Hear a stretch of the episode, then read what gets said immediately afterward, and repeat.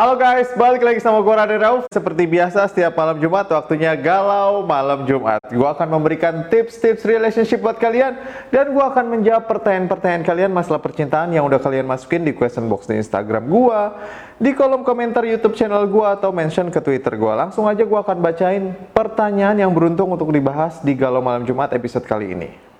Pertanyaan pertama dari underscore Andin. Om, dulu dia romantis, tapi pas udah pacaran dia nggak seromantis dulu. Dulu dia romantis, terus udah pacaran dia berubah. Pertanyaan kedua dari Shinta.nf12. Om kok awal kenal mah rajin chat, video call, kok ke sini makin jarang ya om. Kenapa tuh om dulu rajin chat, rajin video call, rajin nelpon, makin ke sini makin jarang. Pertanyaan ketiga dari Maya Melinda 21 Om kenapa pacarku belakangan ini nggak kayak dulu lagi? Please jawab sekali doang. Pacarku nggak kayak dulu lagi berubah. Jadi kali ini gue akan membahas kenapa Cowok, nggak semua cowok Beberapa cowok tiba-tiba berubah. Ketika dulu dia ngejar-ngejar lu Kayaknya manis banget gitu. Semuanya dilakuin buat lu. Tapi ketika udah dapetin lu, belum lah, belum dapetin lu malah. Ketika lu udah mulai ngerasa nyaman sama dia, malah dia yang tiba-tiba berubah. Ini kenapa? Dan gimana caranya biar dia bisa tetap manis kayak dulu lagi dan itu nggak berubah gitu. Sebenarnya banyak banget yang nanya, kenapa sih om cowok berubah? Dulu perasaan dia manis banget pas ngejar-ngejar gua, giliran udah jadian, kok dia kayak nggak tertarik lagi ya? Dulu perasaan dia manis banget ngejar-ngejar gua terus dia tuh rajin video call dia tuh rajin ngechat gua selamat pagi nanyain kabar dia cerita. Terus kok sekarang udah nggak kayak gitu lagi ya? Kenapa siapa semua cowok kayak gitu? Banyak banget cewek yang nanya kayak gitu di question box gua. Nah, sekarang gue akan jelasin dengan gambaran skenario. Kebanyakan yang dialami tuh kayak gini jadi lu kenalan sama cowok, entah itu dari dating app atau dari Twitter, dari Instagram kalau zaman sekarang kebanyakan kenalannya itu pasti lewat online ya. Atau bahkan mungkin lu kenalan secara langsung dikenalin sama temen lu gitu, kalian ngobrol nyambung. Terus dia menunjukkan kalau dia itu tertarik sama lu. Dia nggak dia ngechat lu, terus ngobrolnya udah mulai mengarah-ngarah, flirting-flirting gitu. Tapi lu sebenarnya masih males Ya kan gue tahu gue paham cewek itu nggak semudah itu langsung bisa suka sama orang. Biasanya butuh waktu. Kalau bahasanya mah cowok itu jatuh cinta lewat mata, cewek itu jatuh cinta lewat telinga. Kenapa? Maksud gue gini, cowok itu dengan bis, bisa dengan mudahnya dia ngelihat cewek cantik, wow anjir, cantik banget tuh orang gitu. Tapi kalau cewek nggak bisa lu langsung kebanyakan sih ya ngelihat enggak tapi kalau sering diajak ngobrol terus apa namanya nyambung ngobrolin hal-hal yang seru gitu kayak nyambung langsung dari telinga masuk ke hati gitu ya. Nah karena cewek nggak nggak begitu mudah untuk jatuh cinta. Cowok ini tadi yang kenalan sama lu dia tuh tetap insist pengen kenal sama lu. Dia ngajak lu ngedate tapi lu nggak bisa kayak nanti dulu lah ini belum waktunya gitu. Gue belum kenal siapa lu tapi dia terus dia ngechat lu dia nunjukin kalau dia perhatian dia nelponin lu. Orangnya manis banget. Sampai akhirnya lu lama kelamaan lu lulu oke gue akan kasih kesempatan kita jalan deh kali aja. Memang lu orangnya baik. Kenapa enggak sih ngasih kesempatan gitu? Akhirnya lu jalan sama cowok ini. Lu jalan dan ternyata pas jalan seru banget lu ngerasain sensasi kayak lu happy gitu jalan sama dia, ada yang seru, terus dia nunjukin bahwa lu tuh seseorang yang spesial buat dia. Udah jalan sekali, Tiba-tiba dia nelpon lagi, dia pengen ngajak lu jalan untuk yang kedua kali, yang ketiga kali. Dia nunjukin kalau dia benar-benar ngejar-ngejar lu, dia pengen serius sama lu. Dia buktiin segala macem, dia yang jemput lu, ngajak lu makan, dia yang bayarin segala macem. Pokoknya dia ini perfect boyfriend lah di mata lu. Sampai akhirnya lama kelamaan lu menurunkan benteng yang udah lu pasang tinggi-tinggi itu biar dia bisa masuk. Setelah dia masuk, lu ngerasa kayak kayaknya udah waktunya nih gue membuka hati untuk orang kayaknya dia yang tepat gitu. Lu mencoba mulai percaya sama dia. Lu udah percaya sama dia, akhirnya sama-sama nyaman jalan bareng. Sekarang giliran lu mulai sayang sama dia, lu yang mulai kontak dia. Lu bukan lagi dia yang kontak lu terus-terusan, tapi lu yang ngechat dia, lu mulai nelpon dia. Tapi masih seru gitu, dia nunjukin kalau lu itu orang yang spesial, lu itu orang yang kayak dia tuh ngerasa lu tuh satu-satunya yang paling dia cintai gitu. Sampai akhirnya lu mulai ngontak dia, lu nelpon dia, terus lu mulai lu ada satu titik cewek biasanya udah jalan bareng, udah enak, udah nyaman, udah saling jalan bareng, cewek biasanya pengen ada kepastian. Ketika dan ketika lu menanyakan itu, ketika lu meminta kejelasan, si cowok tiba-tiba, aku nggak bisa janjiin apa-apa, udahlah kita jalan kayak gini aja. Dan tiba-tiba dia berubah. Dia bukan lagi orang yang ngejar-ngejar lu, dia bukan lagi orang yang tiap pagi ngechat lu selamat pagi, tiap pagi nanyain kabar lu, tiap hari dia cerita tentang kesehariannya, dia berubah dia berubah, dia bilang dia belum bisa komitmen sama lu, dia belum bisa menjalin hubungan yang eksklusif sama lu, dia nggak bisa janjiin apa-apa. Wow, maksudnya bingung kan? Nih kenapa ya? Perasaan tuh yang ngejar-ngejar gua tuh elu gitu. Yang ngejar-ngejar gua tuh elu, terus sekarang gua udah mau sama lu, kok malah lu nggak mau sama gua gitu kayak gue yakin pasti cewek tuh bingung dengan kondisi ini kayak ini apa sih gue dikerjain apa gimana gitu. Nah, sampai pada posisi ini cewek tuh bingung. Gue harus ngapain ya? Ini gue harus ngapain gitu ceweknya. Bukannya dia yang ngejar-ngejar gue. Kok sekarang gue udah mau, dia malah pengennya kayak gini-gini aja nggak ada kejelasan. Terus apa yang harus gue lakuin biar dia bisa semanis dan seromantis dulu, kayak kayak dulu lagi gitu. Nah, kali ini akan gue bahas penyebabnya apa aja. Sebenarnya ada yang salah di lu atau emang dianya dan gimana caranya biar dia bisa balik lagi. Penyebab pertama kenapa cowok cepat berubah kayak gitu adalah you move too fast, girl. Lu terlalu cepat dan terlalu mudah memberikan semuanya ke dia. Gue kasih tahu ya, cowok itu suka tantangan Cowok itu suka sesuatu yang menantang. Kalau ibaratnya lu itu gunung, jangan jadi gunung yang mudah didaki, terus kayak lu menunjukkan bahwa dia udah sampai di puncaknya. Kalau dia udah ngerasa sampai di puncaknya, mau ngapain lagi dia? Hah? Mau terbang sampai langit ketujuh? Enggak. Lu harus menunjukkan kalau diri lu itu misterius, susah untuk ditaklukkan. Kalau dia berbuat sesuatu, biarkan dia mengeluarkan effort Jangan sampai lu yang ngasih semua. Kalau dia ngerasa lu udah nggak ada tantangannya lagi, ya udah selesai. Sebenarnya nggak semua cowok kayak gitu. Kebanyakan cowok yang masih bocah kayak gitu, kayak ngerasa, oh gue bisa naklukin dia nih, udah selesai ya udah gitu. Kayak dia cuma senang-senang pas lagi ngejar doang gitu. Tapi makanya gue pesen sama lu, jangan terlalu cepet, jangan terlalu gampang untuk ditaklukkan Ya, buat diri lu itu misterius, kayak ada tahapan-tahapannya gitu. Kayak ada stage satu gitu. Mau ke sini, mau ngajak lu ketemu, ada usaha yang harus dia lakukan. Terus mau ngajak lu ngedate fine dining, ada lagi. Mau ngajak lu jalan-jalan agak jauh, ada lagi tantangannya gitu. Jadi jadi dia tuh ngerasa kayak ada sesuatu yang harus dia keluarkan, ada effort, terus ada usaha yang harus dia perbuat untuk bisa selalu dekat sama lu gitu. Jadi itu pun nantinya akan membuat dia lebih menghargai ketika dia udah bersama sama lu karena orang kecenderungannya lebih menghargai sesuatu yang didapat dengan cara berusaha lebih keras. Itu tadi adalah penyebab yang pertama. Nah, sekarang penyebab yang kedua. Penyebab yang kedua, kenapa cowok cepat berubah kayak gitu karena dia ketagihan masa-masa indah ketika PDKT.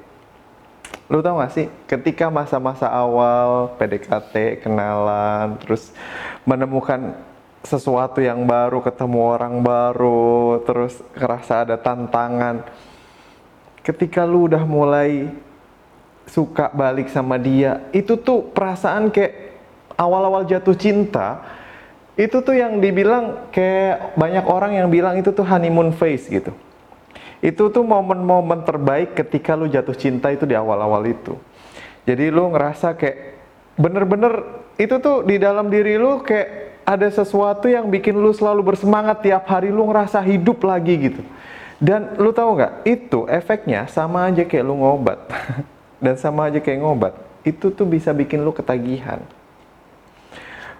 Sayangnya, rasa tadi, honeymoon phase tadi itu ada umurnya. Pasti ada umurnya setelah beberapa bulan, mungkin bisa sampai satu tahun gitu. Satu setengah tahun lah. Lama-kelamaan, itu memang manusiawi dia akan memudar gitu.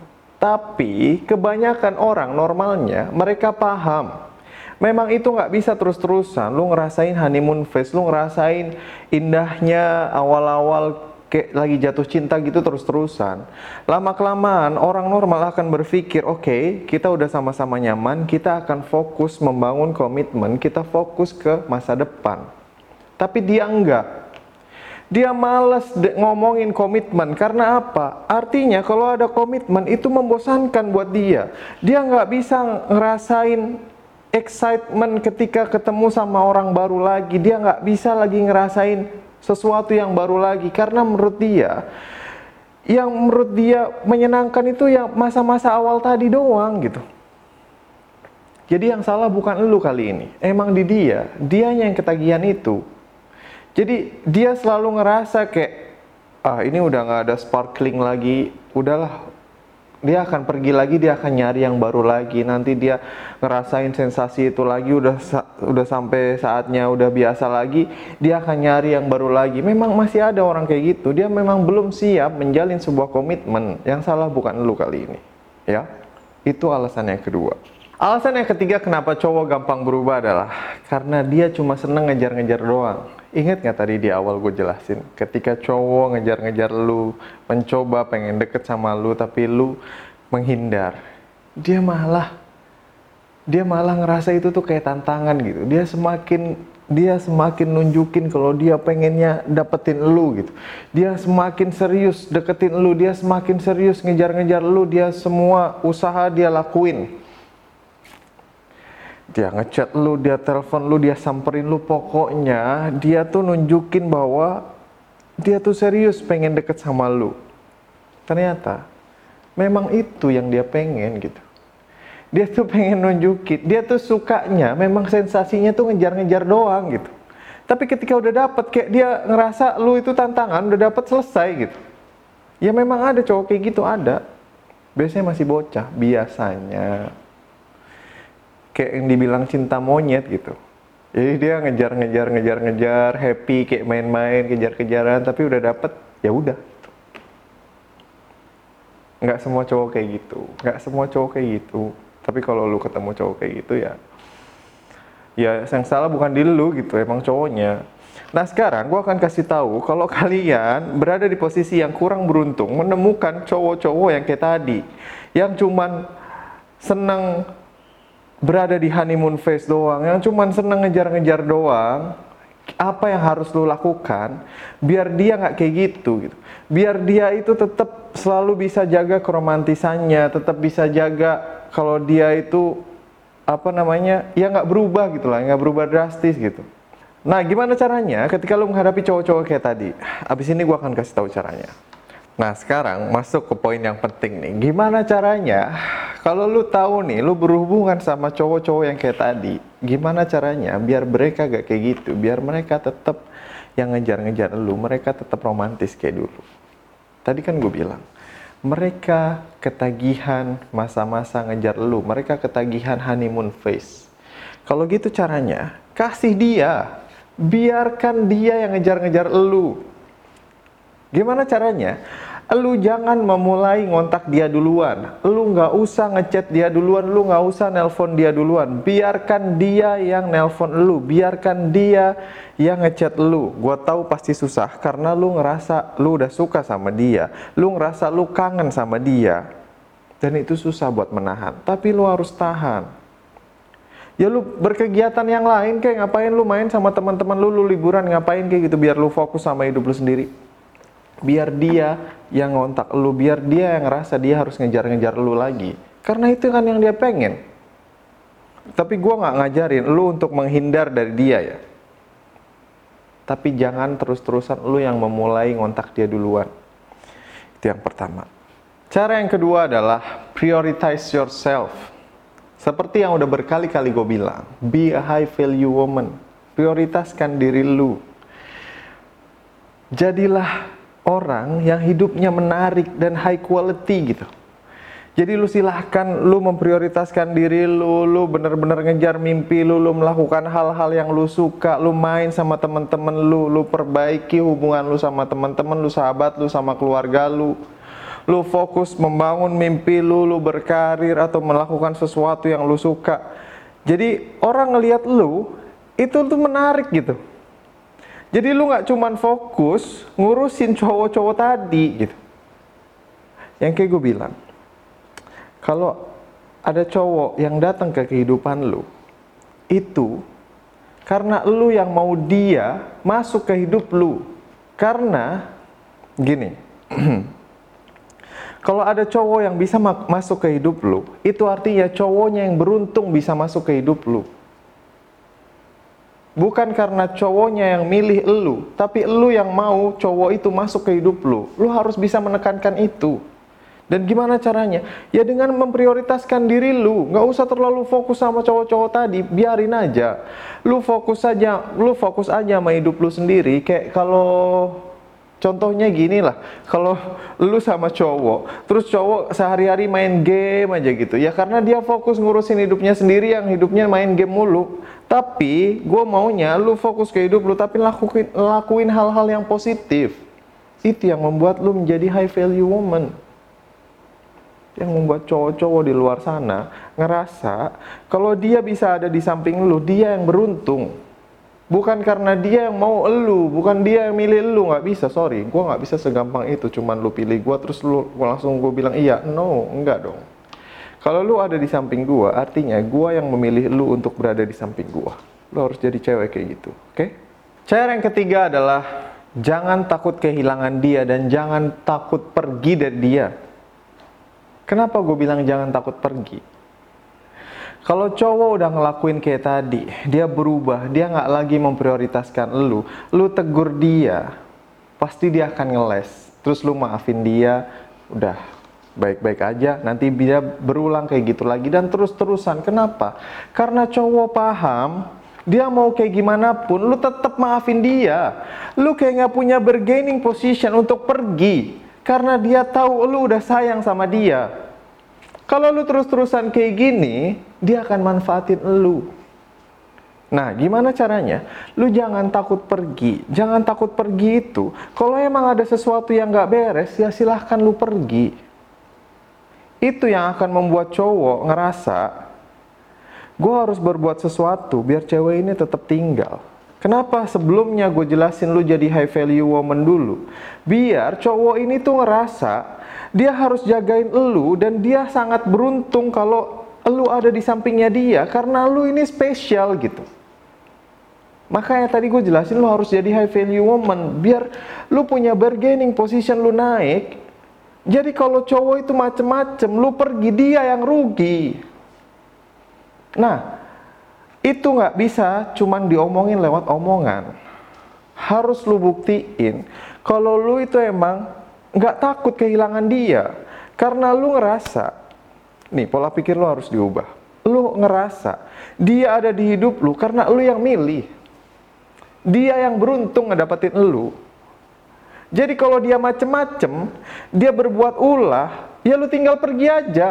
Dia yang rugi. Lu harus tanamkan itu di otak lu sekarang. Pola pikirnya harus berubah ya. Ya itu tadi adalah pembahasan gue tentang kenapa cowok berubah dan gimana cara mengatasinya. Semoga kalian semua bisa menerapkan itu dengan baik. Jangan cuma iya-iya aja tapi ntar besok bego lagi. Astagfirullahaladzim. Dan semoga kalian gak ketemu cowok-cowok yang kayak tadi. Ya karena gak semua cowok kayak tadi kok ya. banyak yang masih baik, oke? Okay? Dan lu mau gue bahas apa lagi di next episode Galau Malam Jumat? Silahkan sampaikan di kolom komentar. Gue mau jelasin dikit tujuan gue buat konten Galau Malam Jumat ini bukan untuk mengajak kalian galau-galauan, tapi biar kalian gak bego-bego amat kalau lagi jatuh cinta. Biar ada yang ngetin kalian kalau lagi mabuk kepayang gitu. Biar kalian tetap sadar dan gak bego kalau lagi jatuh cinta. Sampai jumpa di Galau Malam Jumat episode berikutnya. Ciao!